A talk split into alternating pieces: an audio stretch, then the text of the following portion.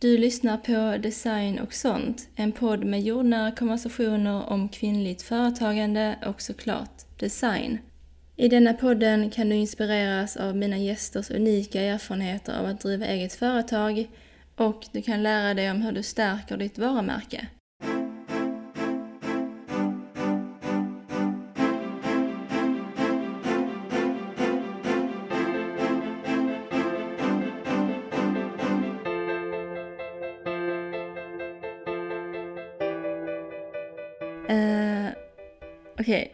Idag har jag då Elin Elmarsson med mig på distans som är copywriter och företagare såklart.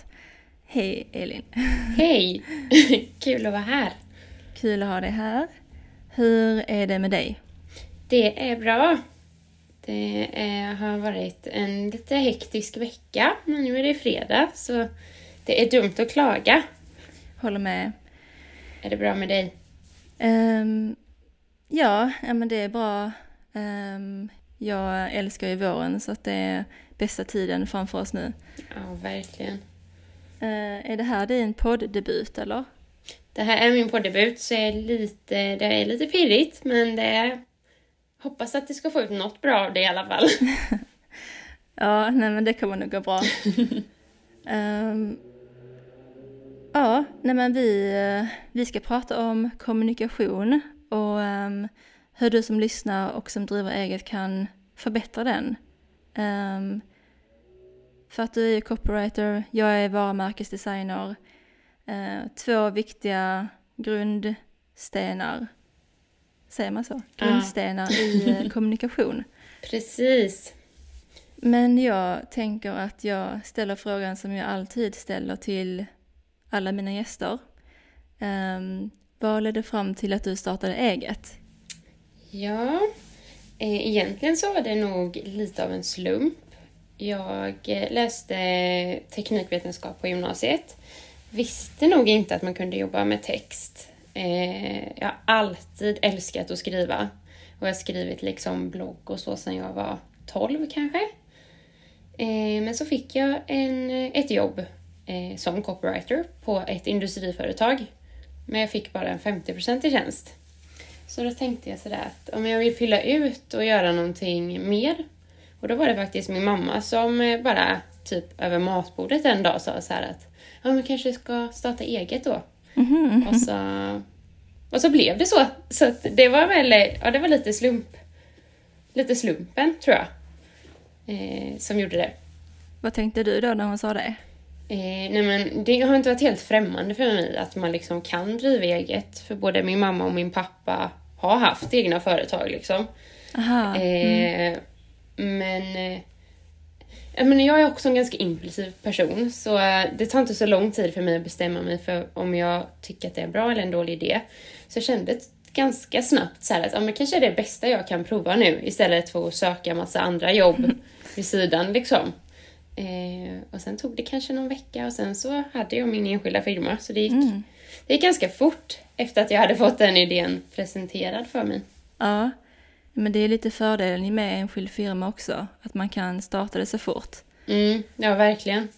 Men eh, så du startade alltså eget direkt efter gymnasiet i princip? Ja, jag tog studenten i, i juni så började jag jobba i augusti och i september så hade jag eget vid sidan. Så det gick väl ändå ganska fort. Ja, verkligen. Gud.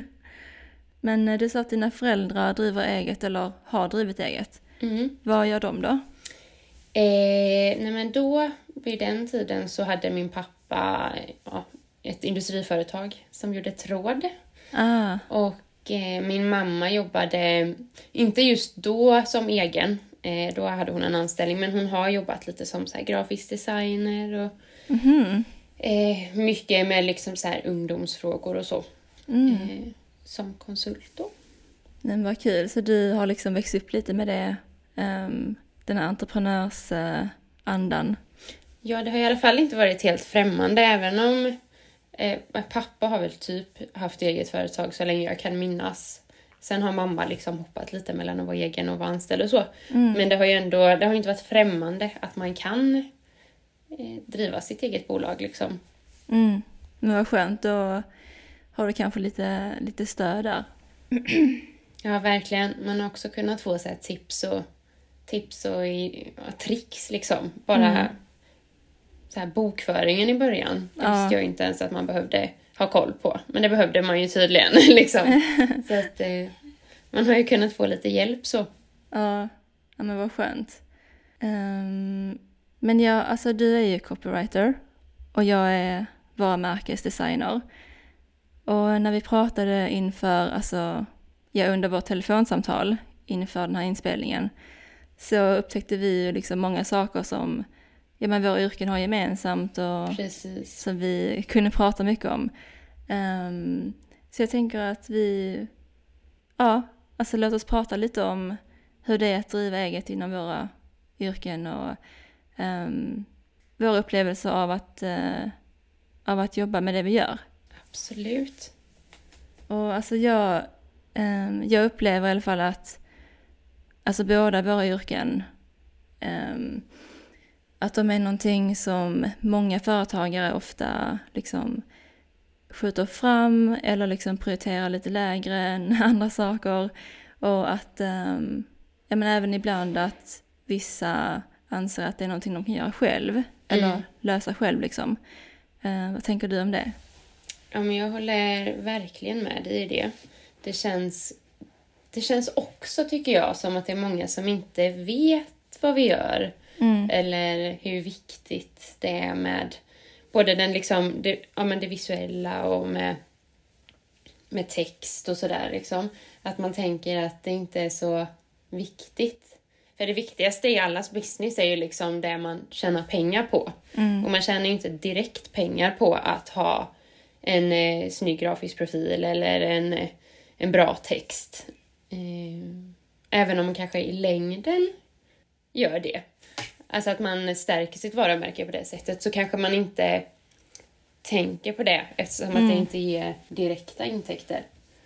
Nej, precis. Alltså, det känns som att det är många saker som många prioriterar först, alltså i sitt företagande. Och sen successivt så kanske man tänker mer på de sakerna. Men att, ja det som du säger, det är ju saker som man kan göra själv. Men som ja, ofta behövs eh, göras av en professionell person. Ja. ja, så är det verkligen.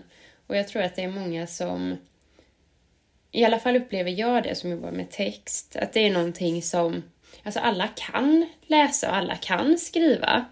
Men så är det ju skillnad på hur man skriver saker. Ja. Eh, På vilket sätt och med vilka ord. Men man kanske... Alltså det är så lätt att peta i, i texter och tycka att man kan. Även om man... Ja, men även om man inte har det som profession liksom. Mm. Eh, För man alla är, eller de flesta i alla fall, eh, alltså skrivkunniga. Man kan skriva en mening, men man kanske inte kan få till den sådär spot on som en copywriter kan. Nej, alltså, nej precis. Det är ju skillnad på att skriva och att skriva liksom. Mm, Ehm, eller så att skriva med ett syfte. precis. Ehm, och det är ju verkligen det, alltså precis det du gör eh, i ditt yrke. Nej, men alltså jag kan på ett sätt ehm, förstå det här med att man vill göra saker själv och eh, alltså för jag är ju själv verkligen så, alltså kontrollerande och vill gärna klara allting själv och Mm, Um, ja, men tycker generellt att saker blir bättre när jag gör det själv, eller det är väl det jag intalar mig ofta. Så jag menar, jag, så här, jag förstår ju verkligen det här med att um, jag tror många liksom, företagare är så. Mm. Um, och att det är anledningen till att många ja, men, tänker att men jag, jag, kan, jag kan göra det här själv och det blir ju bra ändå. Liksom. Men det är någonting som jag verkligen försöker bli bättre på för att jag menar samtidigt så vet jag innerst inne att jag kan inte vara bra på allt och jag är inte bra på allt liksom. Um, fast man kanske tror att man är det. Så är det skillnad på att jobba med en sak och liksom utöva det som yrke och att bara känna att man är bra på någonting.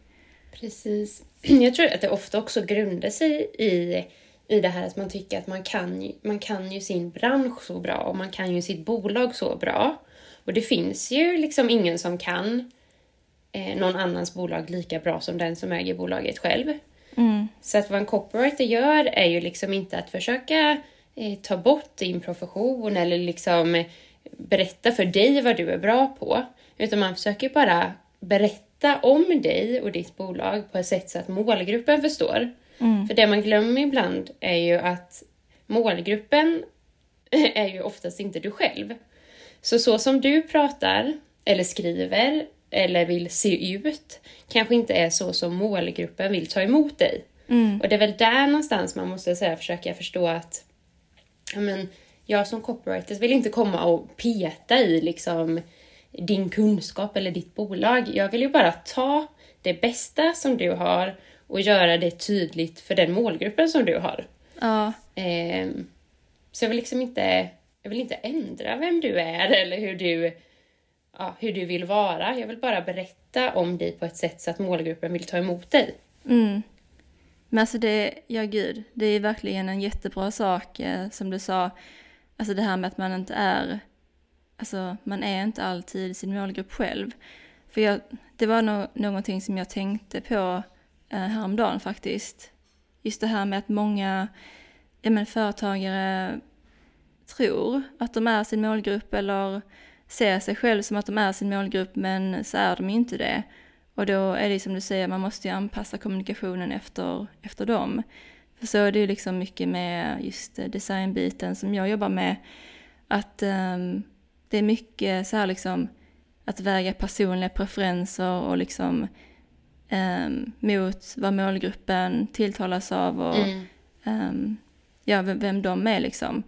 För att många väljer ju alltså ja, färger och typsnitt och allt vad det är efter vad de själv tycker är fint och vad de tycker ja, men representerar dem och deras företag. Men så kanske inte det är alls vad den personen de riktar sig till tycker om. Um, och det är samma med text. Um, Ja, men upplever inte du att det kan vara svårt ibland att, att förklara det på ett, ja, men på ett snällt sätt? Att liksom, det här som du tycker så mycket om kanske ändå inte är bäst om du vill nå ja, men din drömmålgrupp eller din drömkund. Liksom. Då kanske du måste prata på ett annat sätt eller se ut på ett annat sätt eller finnas i andra forum. Men hur säger man det liksom?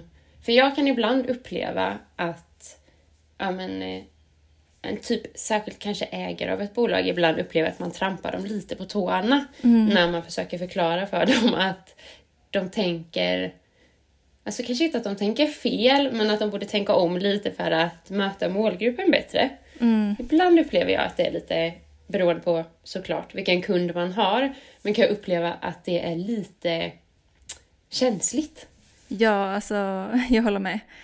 Och alltså även ibland så tänker ju de fel. Mm. Och det är som du säger, kanske inte någonting man säger så rakt ut, men det är ju ja, det, är det här liksom med att vi jobbar med det vi gör och man vill ju att kunden ska lita på en och alltså ja, lita på att man att vi vet bäst. Eh, Och det kan ju vara ett dilemma i och med att ja, när man driver eget så blir det ju ganska personligt och Mm.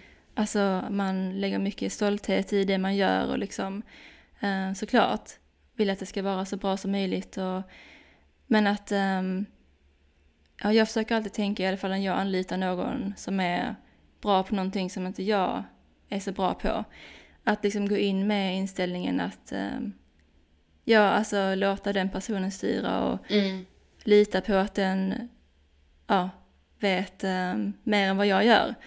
Så ja, jag kan tycka att det är svårt, framförallt eftersom det jag gör och jobbar med är mycket, alltså till en stor del visuellt. Och då handlar det mycket om smak och liksom, alltså, ja, eh, preferenser kring det visuella och det kan bli väldigt personligt känner jag.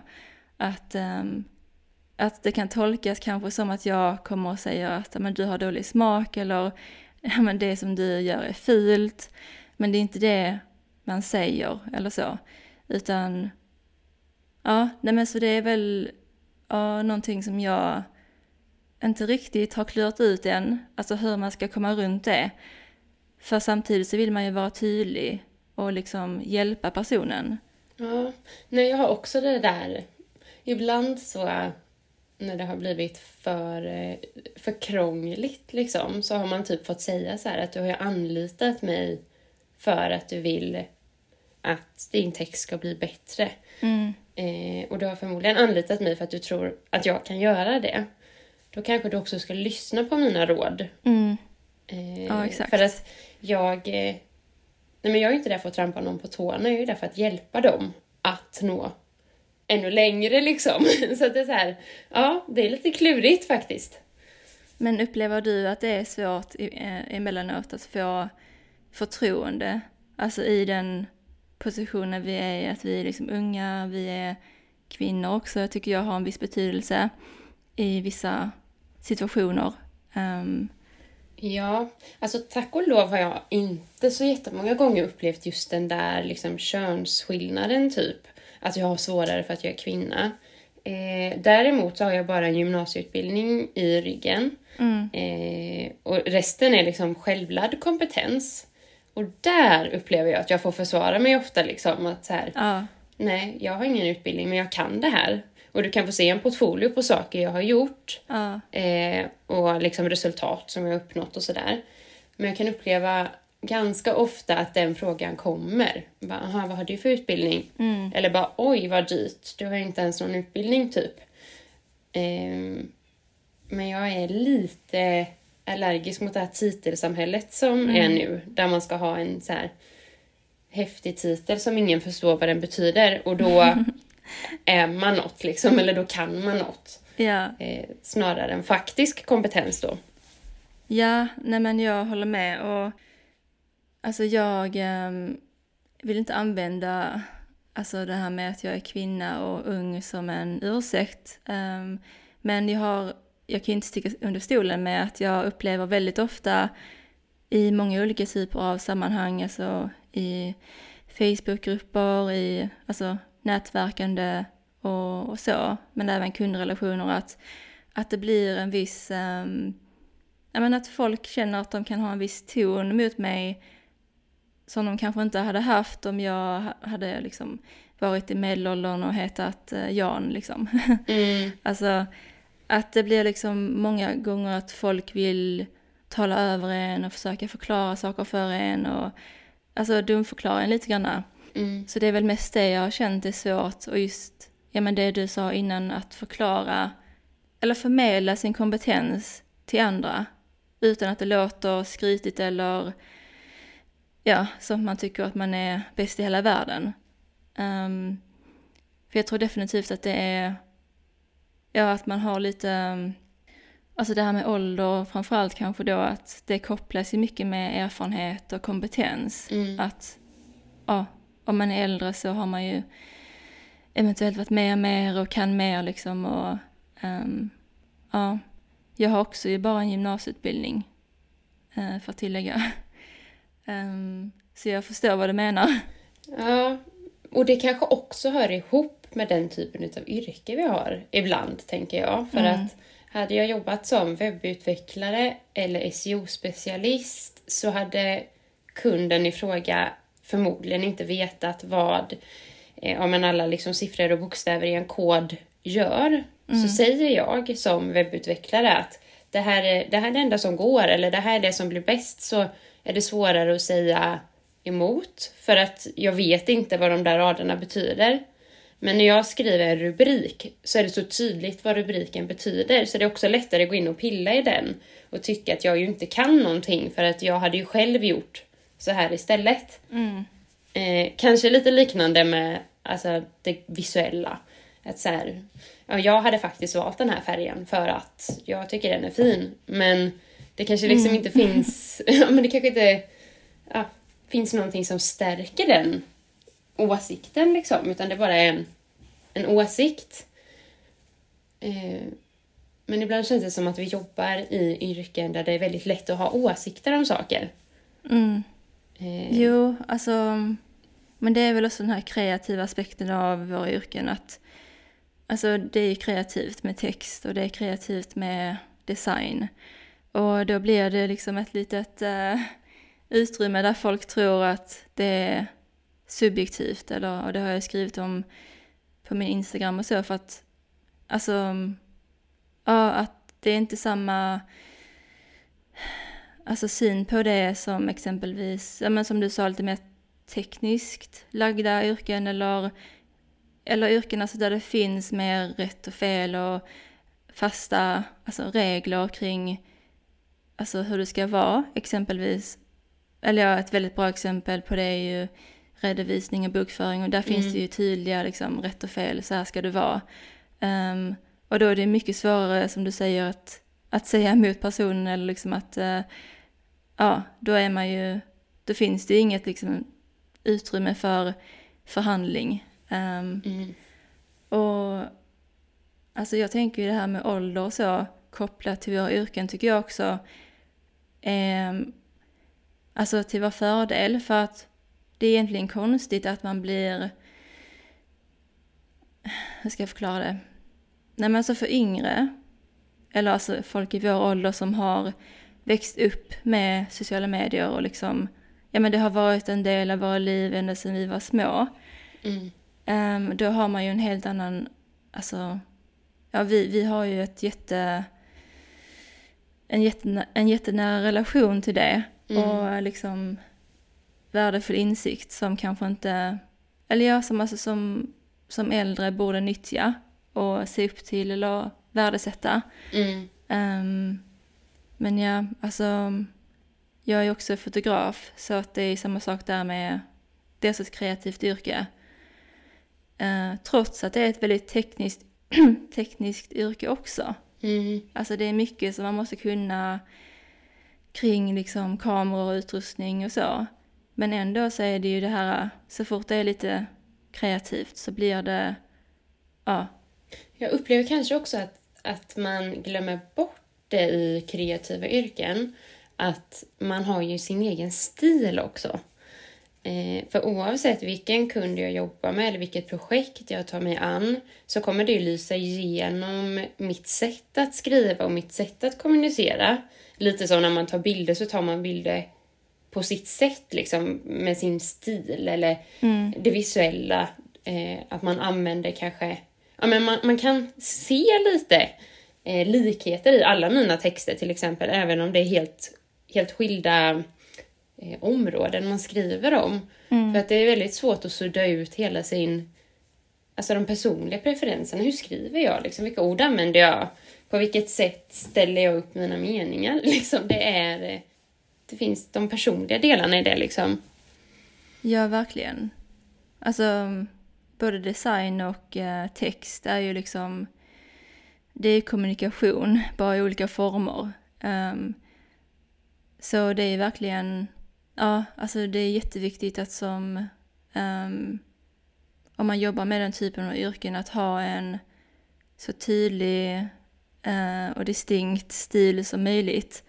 Uh, för det är ju i slutändan det som särskiljer en från alla andra och um, ja, men som blir ens övertag, alltså när det gäller att sälja in sig själv och ens arbete och så för att um, ja, jag tänker att ju, alltså, ju mer specifik man är liksom med sin stil och sitt, uh, sitt språk um, desto lättare blir det liksom att, um, att få det här förtroendet och ja, att sälja in sig själv och övertala, eller övertyga menar jag, uh, sin målgrupp och kunder och om att man um, har någonting speciellt och unikt att erbjuda och inte bara liksom, ja. Mm.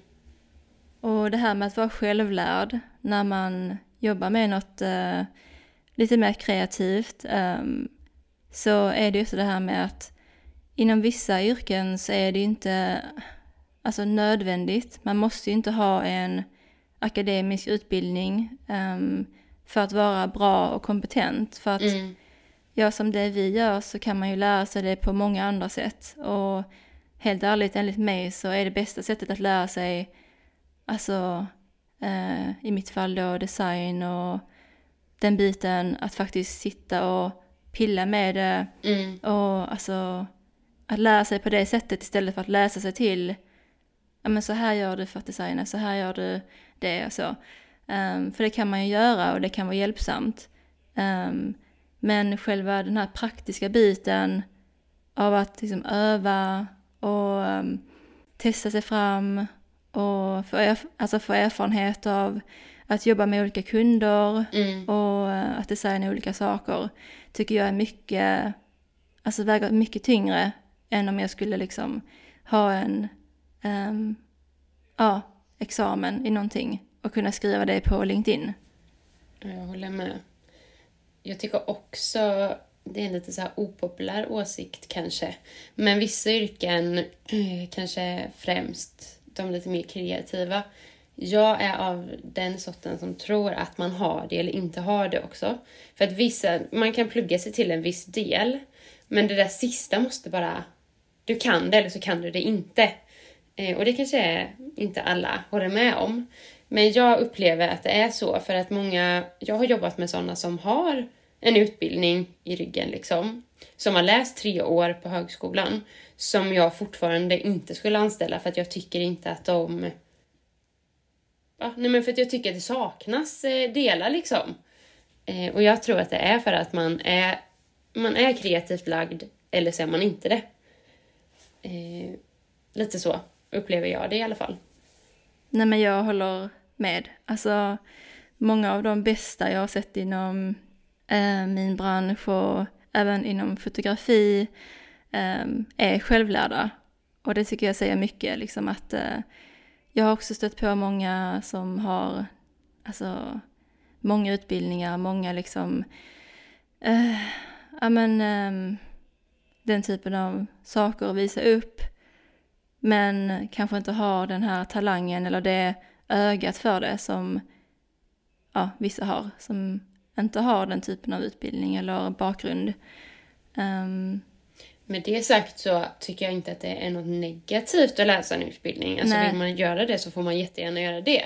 Och det kan ju bidra till att man lär sig mycket mer. ja, Men jag tror ändå att det är så här, eh, har du det inte lite i dig så är det svårt att plugga sig till det. För att det, är, alltså, det som är kreativt, det sitter lite i kroppen typ. mm, Jag vet inte hur jag ska förklara det, men jag upplever i alla fall att en, en utbildning kan hjälpa dig att bli bättre. Eh, och du kan bli super... Alltså kan du redan... Har du det så kan en utbildning bidra liksom till utveckling, men har du det inte så gör en utbildning inte allt. nej precis. Nej, alltså man kan ju inte läsa sig till allt. ehm, utan, ja, vissa saker måste man eh, ha liksom ehm, inom sig. Mm. Så det håller jag med om. Ehm, men liksom vad, vad är det för texter du brukar skriva? Eh, ja, jag skriver väldigt eh, skilda texter egentligen. Eh, det har varit väldigt mycket ungdomskommunikation. Och det har nog, där har åldern varit till min fördel för att jag har väldigt ofta i många projekt som jag har ingått i varit målgruppen själv liksom. Och då är det väldigt lätt att skriva för jag vet hur jag själv skulle vilja ta emot ett budskap. Eh, jag kommer ifrån eh, eh, utanför ett samhälle som heter Gnosjö som är en så här jätte industrität ort liksom. Så jag har jobbat väldigt mycket med text för industrin. Ah, okej. Ehm, både liksom eh, intern och extern kommunikation. Ehm, ja, men mycket så här artiklar och liksom reportage, intervjuer, den typen av texter. Webbtexter och så. Mm. Vad har du tyckt liksom varit de vanligaste misstagen som folk gör då? Ehm, Eller dina kunder då? Ja, alltså ett vanligt misstag är ju att man gör det mer komplicerat än vad man behöver. Eh, kanske framför allt när man kollar på typ så industrier och tekniskt lagda bolag så är det väldigt ofta man vill använda svåra branschord, man vill använda långa meningar. Man tror att texten blir bättre ju svårare den är. Men faktum är ju liksom att eh, en text dels upplevs... Eh, alltså läsaren känner sig smartare och mer eh, ja, men, nöjd liksom när man förstår vad det är man läser. Mm. Men läsaren upplever ju också författaren som smartare om texten är enkel att läsa. Så att man skjuter sig själv lite i foten när man tror att ju svårare eller mer komplext desto bättre, för det är verkligen helt fel. Mm. Eh, och det är väl ett ganska vanligt misstag skulle jag säga. Att man gör det för svårt för sig. Ja, men det är ju sant. Ja, alltså att man liksom, eh, att man faktiskt kan framstå som smartare genom att förenkla det, för då visar det att man kan det man pratar om. Mm. Exakt så är det ju. Och det är det väldigt många som missar. Nej, men det är ju ett annat sätt att se på det, för att um, jag kan också lätt hamna i det med liksom att, uh, alltså vilka ord man ska använda, för att, alltså jag tänker väl vanligtvis att liksom, uh, alltså att läsaren ska förstå det jag säger. Men samtidigt så tror jag att många tror att man, alltså man måste ha vissa typer av termer för att uppfattas som kunnig. Mm. Men ja, då är det ju som du säger att då kanske inte kommunikationen alltså, kommer fram på det sättet som att liksom man kanske, läsaren kanske bara stänger av i så fall. Precis. Ja, men det finns, ja, det finns många exempel på det liksom. Och många exempel där, alltså där jag har suttit i möten och kunden liksom har haft, använt väldigt svåra ord. Och så bara inser man ju så här att men, målgruppen kanske är någon som mig eller någon annan liksom vanlig person, inte en Mm. branschperson i fråga. Och om jag som sitter i mötet och lyssnar på dig när du berättar om vad det är du vill säga, inte förstår vad det är du vill säga, så kommer ju målgruppen definitivt inte att förstå vad du vill säga när du bara ska göra det i en kort text. Eh, Jag kanske sitter och lyssnar på dig i en timme liksom, och jag förstår fortfarande inte riktigt vad det är du vill säga. Mm. För att du använder svåra ord som liksom en någon som inte är insatt i ämnet inte förstår liksom. Så att man, eh, jag tror man har väldigt mycket att vinna på att jag menar, tänka på målgruppen först och sig själv i andra hand liksom. Eh, nej men ett, eh, ett ganska enkelt knep för att komma runt det här att det är så svårt och ja, men kanske långa meningar och svårt att förstå och läsaren tappar bort sig, liksom orkar inte läsa hela vägen. Det första man kan göra är att när man har skrivit en text och känner sig nöjd, då kan man nästan alltid ta bort den första meningen i texten. Alltså bara sudda Mm. den helt. För den säger väldigt sällan någonting om, alltså, något, alltså den ger sällan något värde. Det är nästan alltid som andra meningen är den meningen som faktiskt beskriver vad texten handlar om. Eller vad det är man vill säga. Så det är ett sånt här enkelt knep. Eh, ett annat enkelt knep är att eh, istället, för många älskar att använda kommatecken. ja. Kommatecken, kommatecken, kommatecken, kommatecken. Men använd punkter istället. Att så här, korta meningar blir lättare att läsa än långa meningar. Mm. Nu menar inte jag att man ska liksom rada treordsmening efter varandra hela tiden. Men det är bättre med en mening på tre ord än en mening på 15 ord. Mm. Eh, och massa kommatecken liksom. Så det är en sån sak. Man kan också eh, tänka på. Ja, nej men och det tredje enkla knepet är väl att ta bort svåra branschord liksom. Finns det lättare ord som beskriver det du vill säga så använd dem. För då förstår Ja men då förstår läsaren mycket lättare vad det är du vill säga. Mm. Och en text, en text är ganska onödig om ingen orkar läsa den liksom. Nej, nej det är sant. och alltså jag kommer tänka på en sak nu medan du pratade. Att um, ja, det här med varumärke och kommunikation. Um, alltså våra yrken överlappar ju eller så där. Alltså de kompletterar ju varandra. Um, och i det jag gör, gör och erbjuder så ingår ju lite det här med språket också. För att det ska ju givetvis gå i linje med alltså designbiten. Så Um, jag tänker att vi kan ju prata om det här med tonalitet som det heter. Um, och ja, alltså hur man bör tänka kring det och uh, våra tankar kring det. Um, för det är kanske en sån sak som är svårt att ta på eller som det är kanske inte jättelätt att förstå sig på om man inte är så insatt i det. För jag kan ibland känna att um, många saker alltså, kring det jag gör ibland kan vara lite flummiga liksom. Nej, men jag tänker också så att det kan kännas lite flummigt, alltså kommunikation överlag. Hur pratar man med sin målgrupp och hur ska man se ut och så. Eh, den grafiska profilen upplever jag att många liksom, alltså de kanske inte har koll på sin grafiska profil, men de har koll på att man bör ha en med loggor och färger och allt vad det är liksom. Men sen kan man ju också då ha en tonalitetsguide som jag skulle säga är lika viktig som den grafiska profilen. Eh, som kanske till och med kan liknas vid att vara den grafiska profilen fast för textkommunikationen då. Mm. Eh, och det är liksom en guide som berättar för oss hur vi pratar med vår målgrupp och vilken textstil vi använder, vilka ord vi använder och kanske främst vilka ord vi inte använder. Finns det ord som vi liksom inte vill förknippas med eller som vi säger nej. Eller speciella ord som vi väldigt gärna vill förknippas med och som vi ska använda konsekvent i vår kommunikation. Mm. Typ, säger vi hej, tjena eller hejsan. Alltså sånt brukar vara ganska bra. Så här. Vilket ord använder vi? Vilket språk pratar vi liksom? Ja, just det. Eh, för en tonalitetsguide hjälper liksom till att få textkommunikationen att bli konsekvent.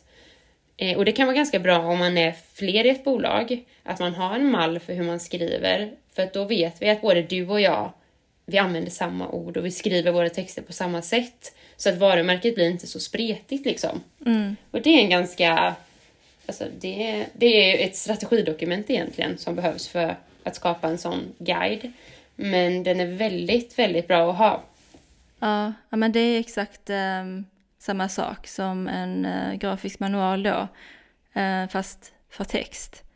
Um, alltså generella riktlinjer att följa och som du säger då, om man är fler i företaget och, eller jobbar med andra som ska följa varumärkets um, kommunikation så är ju den typen av guider uh, väldigt hjälpsamma.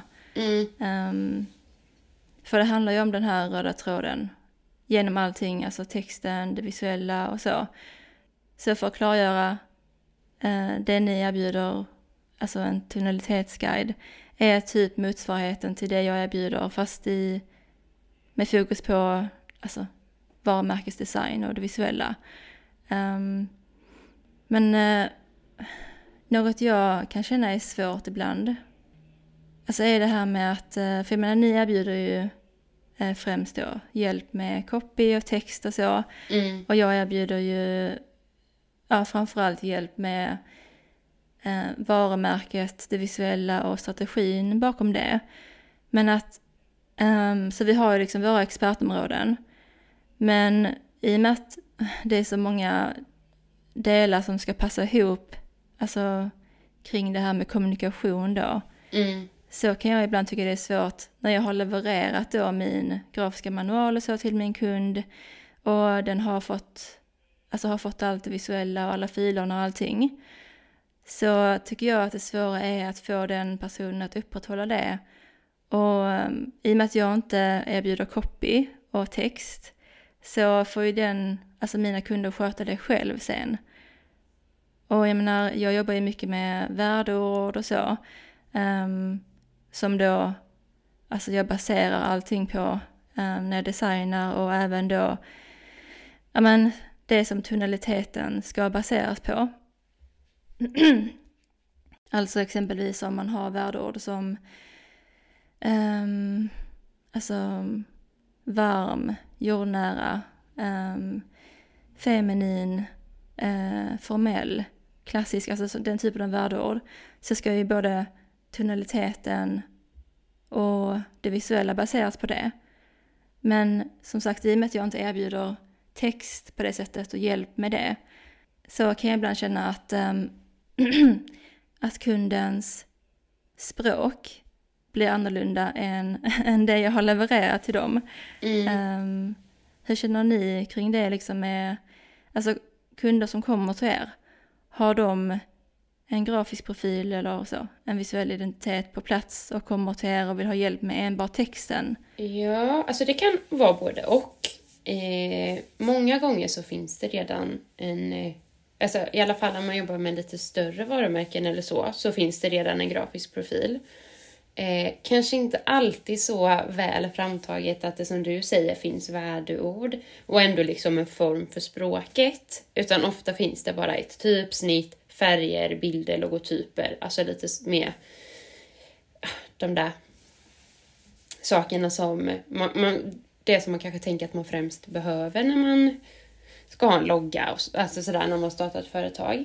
Men många gånger så jobbar vi också med mycket mindre kunder. Mm. Eh, och då, ja, men då kan jag också uppleva ibland att det är jobbigt att man inte är alla kompetenser själv. För då hade jag också velat kunna så leverera en, en hel strategi, en varumärkesstrategi liksom. Ja. Eh, men vi, vi gör ju bara textdelen. Eh, fördelen för oss sen då är väl att vi kan ju erbjuda att eh, alltså ta över textkommunikationen i princip. Mm. Lite så här, vi jobbar ju lite med sociala medier och sådär också, kan fixa liksom inlägg till sociala medier med bilder och text och så. Och finns en grafisk profil så utnyttjar vi ju såklart allt det material som redan finns, allt det som är framtaget, men ofta så är det bara färger och former och så. Är väldigt sällan väldigt sällan så välarbetat som du beskriver med värdeord och, och sådana saker. Mm. Eh, så då får man ju lite utifrån ja, men vilka de är göra en egen strategi för tonaliteten eh, och bara hoppas att den lirar med, med resten liksom. Mm. Men har ni någon gång känt så att en kund har kommit till er och haft um, grafiskt material som, är, alltså, som inte passar så bra för den verksamheten och att den texten och liksom tonaliteten som ni rekommenderar för den typen av verksamhet inte går i linje med alltså det grafiska och visuella? Eh, nej, jag skulle nog, det skulle jag nog inte säga för att ofta, ofta när man har en sån rejäl grafisk profil eh, som, eh, om man kanske de här lite större bolagen har, då är de redan ganska tydliga med hur de vill uppfattas och då säger de samma sak till den grafiska designen som de säger till mig. Okay. eh, och då liksom vi får höra samma sak och då blir det oftast ganska lika bara att jag gör det i text och den grafiska designen eller varumärkesstrategen eller vem det nu är gör det liksom mer visuellt då. Mm. Eh, det, svåra, det svåraste tycker jag är när det kommer en, men en, en ensam företagare eller ett litet bolag som inte har jobbat med kommunikation alltså på något sätt innan. Man har skrivit något inlägg på LinkedIn men man har inte haft något syfte. Och, alltså det är så här, man får börja om från början och göra en hel typ kommunikationsplan. Mm. Och då, då kan det ibland vara lite klurigt för att jag, jag kan ju bäst textdelen liksom.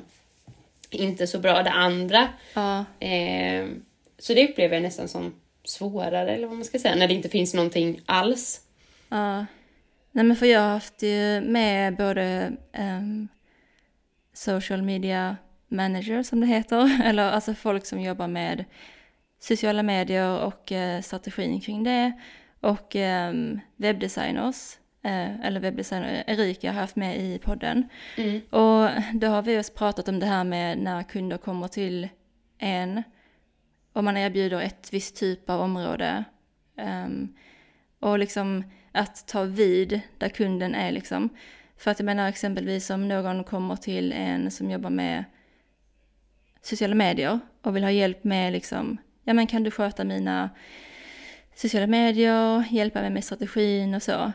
Men så kanske de inte har en visuell identitet exempelvis. Mm. Eller någonting för, för den att basera, alltså förstår du, om den ska Mm. typ skapa inlägg till en person som inte har någonting, någonting, då blir det jättesvårt att skapa inlägg till dem i och med att det är också mycket strategi kring det. Och om jag kommer till någon som, alltså en webbdesigner och jag vill ha en hemsida, samma sak där om jag varken har då text, alltså tonalitet eller det visuella på plats, så blir det jättesvårt för den personen att skapa en, en, alltså en genombra och strategisk hemsida. Mm. Och då samma sak om de kommer till dig och mig. Det kan jag tycka är svårt när liksom, alltså att, ehm, att möta kunden där den är liksom. Mm. Um, för folk prioriterar ju saker i olika, ja man gör vissa saker i en viss ordning. Ibland så kanske vissa investerar i en hemsida först. Ibland kanske de investerar i hjälp med copy först. Och ja, och det kan jag tycka är lite, lite svårt. Men jag, jag kan hålla med, för det är väldigt ofta som det kommer någon och vill ha just text för webben. För mycket sån text skriver jag, eller har skrivit genom åren. Och det är väldigt ofta de kommer med en hemsida med en struktur som inte riktigt passar alltså copy. Eh, för alltså, inom text så finns det också något som heter liksom textdesign och informationsdesign och hur man ja, ska göra saker tillgängligt och det ska vara lättläst. Och det, ja, men alltså det finns tusen saker och vi hinner liksom inte gå in på allting här nu idag. Mm. Men det finns väldigt mycket saker som en copy kan tänkte säga, ha åsikter om eller synpunkter på, men som en copy skulle kunna hjälpa till med för att få webben så bra som möjligt ur textsynpunkt liksom. Mm. Och det är svårt när man kommer in som, ett, som en tredje eller fjärde part i ett ja, men i en liksom kommunikationsstrategi på något sätt. Eh, och det hade liksom för oss ibland varit fördelaktigt att vara med redan i ja, men webbdesign, alltså hela den eh, processen för att kunna säga så här, men vänta nu, om det ska bli bra med texten så borde vi göra så här eller så här. Eh, och det är ju det som blir lite klurigt när man får någonting som är liksom halvfärdigt redan och så ska man bara fylla det. Mm. Eh, när man kanske hade haft eh, när det kanske hade funnits andra sätt som hade gjort det bättre för just textbiten då. Så det kan väl vara ett tips om man ska bygga en helt ny webbsida till exempel eller göra en helt ny grafisk profil eller så. Eh, har man möjlighet att plocka in flera kompetenser samtidigt så tror jag att det är fördelaktigt. Att det blir mindre merjobb liksom. Ja, nej men jag eh, håller med. Alltså det bästa är ju att göra allting på en gång. Alltså att investera i allting samtidigt så, alltså att anlita en varumärkesdesigner, en copywriter, en webbdesigner och så. Eh, I alla fall någorlunda samtidigt så att man kan anpassa allting så att det blir en röd tråd genom allting. För om man, om man då exempelvis investerar i en hemsida första året av sitt företagande och sen så anlitar man en copywriter två år in och sen kanske man gör något annat. Alltså om man gör det så separat så tappar man den tråden liksom och det blir mycket svårare för den personen man anlitar att få ihop alltså hela bilden liksom. Precis. För som vi sa så är kommunikation så, alltså det är så många saker som ska falla på plats och samspela. Liksom, um, ja, alltså allt från text till designen och det visuella till ja men såklart, alltså tanken bakom och, um, och det ska genomsyras på alla sociala kanaler, på hemsidan och i allt, alltså tryckmaterial och så. Så att det, ja, det är ett bra tips. Uh, Ja, jag tycker också att man inte ska luras kring hela den här kulturen som har blivit i, om man tittar på rekryteringsannonser och sådär, så söker man någon typ marknadsstrateg eller man söker någon eh, till eh, ja, men så här, till marknadsavdelningen typ, eller man söker en kommunikatör och så ska man kunna allt. Mm. Då ska man kunna det grafiska, man ska kunna text, man ska kunna video, man ska kunna foto, man ska kunna... Alltså det finns ingen som kan allt. Nej. Eh, I alla fall inte att göra allting bäst. Så det är så här, ja, man... Eh, det är smart att investera i alltså rätt kunskap. Eller liksom eh, den bästa kunskapen. Ja. Eh, för jag menar, jag kan också Nej, men jag kan också leka med färger och former men det blir förmodligen absolut inte lika bra som om du skulle göra det. Eller jag kan liksom sätta ihop en liten logga säkert men, men den kanske inte har något, alltså någon, något tydligt eh, syfte liksom. Som den har om man går till någon som faktiskt kan det liksom. Ja, alltså det här med att eh, balansen mellan att man vill kunna många saker men samtidigt så är ju det bästa att erbjuda någonting väldigt specifikt och alltså att fokusera på så få saker som möjligt och bli riktigt bra på dem. Mm. Och alltså om jag älskar att äta hamburgare och liksom är riktigt nördig kring det, att det ska vara smash och det ska vara en viss typ av, ja du förstår. Mm. Då, vill, alltså, då går jag helst inte till McDonalds. Eller liksom, eller typ en, alltså en, en, ett, ett gatukök som erbjuder all typ av mat. Utan då, då går jag ju helst till en alltså nischad hamburgarrestaurang som bara erbjuder hamburgare som, Precis. ja det var kanske ett lite löst exempel. Men alltså när vi söker expertkunskap kring någonting så blir det ju oftast mycket bättre än om vi söker oss till en verksamhet som kan det här och det här och lite av det och lite av det. Mm. Um, Nej, men vi har försökt att så här, teama upp oss med andra liksom, som kan de kompetenserna som vi inte kan. Så att ja, men när vi står inför ett projekt där vi vet att så här, oj, det skulle behövas mycket mer än bara vår kompetens här, då kan vi alltid rekommendera några som vi vet att vi, alltså att vi litar på, som vi vet gör bra grejer liksom. Så att mm, man kan få en helhetslösning fast vi kan inte erbjuda, vi kan bara erbjuda en del i den, men eh, vi kan i alla fall presentera en helhetslösning för kund. Mm. Nej men det har jag också börjat gå mer emot att göra så. Men eh, om man ska sammanfatta allting vi har pratat om så är ju vårt bästa tips för um, dig som lyssnar och som driver eget att om du vill förbättra din kommunikation, alltså se till att det går en röd tråd genom allting och om du ska investera i alltså hjälp med ett område så kan det vara gynnsamt att investera i alla områdena liksom för att få, ja, få den här helheten och liksom se till att kommunikationen är tydlig och anpassad efter målgruppen. Precis. Ja, men kort, kort och enkelt brukar jag säga. Och det är liksom verkligen så här, gör, gör det inte svårare än vad det behöver vara. Och förenkla allt som går att förenkla. Så har man kommit ganska långt. Och jag hoppas att det har kommit något, eh, något du kan ha med i alla fall. Ja men gud ja. Alltså det är så svårt att prata om det här ämnet, alltså kommunikation, på ett jättekonkret sätt. Alltså, Mm. jag menar hur gärna vi än skulle vilja liksom att det här avsnittet är, ja, alltså simpelt och konkret och så är det ju svårt eftersom det är så himla mycket och Mm. Alltså det skiljer ju sig så mycket från vad man gör i sitt företag, alltså vilken bransch och alltså vilken målgruppen är och ja, vilken plattform det är och allt sånt. Det, Precis. Ja, det är svårt att göra det. Jag tänker också alla de där mest konkreta tipsen är väldigt lätta att hitta på Google liksom. För att ja, exakt. resten är lite mer komplicerat. Och det är just därför man ska ta hjälp av någon som kan det. Mm, För att alltså det är jättesvårt att läsa sig till en sån komplex grej. mm, Alltså det kan ju säkert du också intyga att alltså när jag lärde mig själv då och läste på och, alltså om allt det här kring varumärkesbyggande och varumärkesstrategi och så. Um, alltså det var jättemycket. mm. Det har tagit mig jättelång tid att komma dit jag är kompetensmässigt och liksom, um, ja men som vi också pratade om innan, att kunna förenkla det. Mm, Um, alltså det är jättesvårt ju om man inte alls är insatt i det. Ja, alltså det är just den här typen av kompetens som man um, alltså betalar för ju. När man tar Mm. hjälp av någon som är expert på det. All sån kompetens som man inte kan få i listform på Google eller, eller så.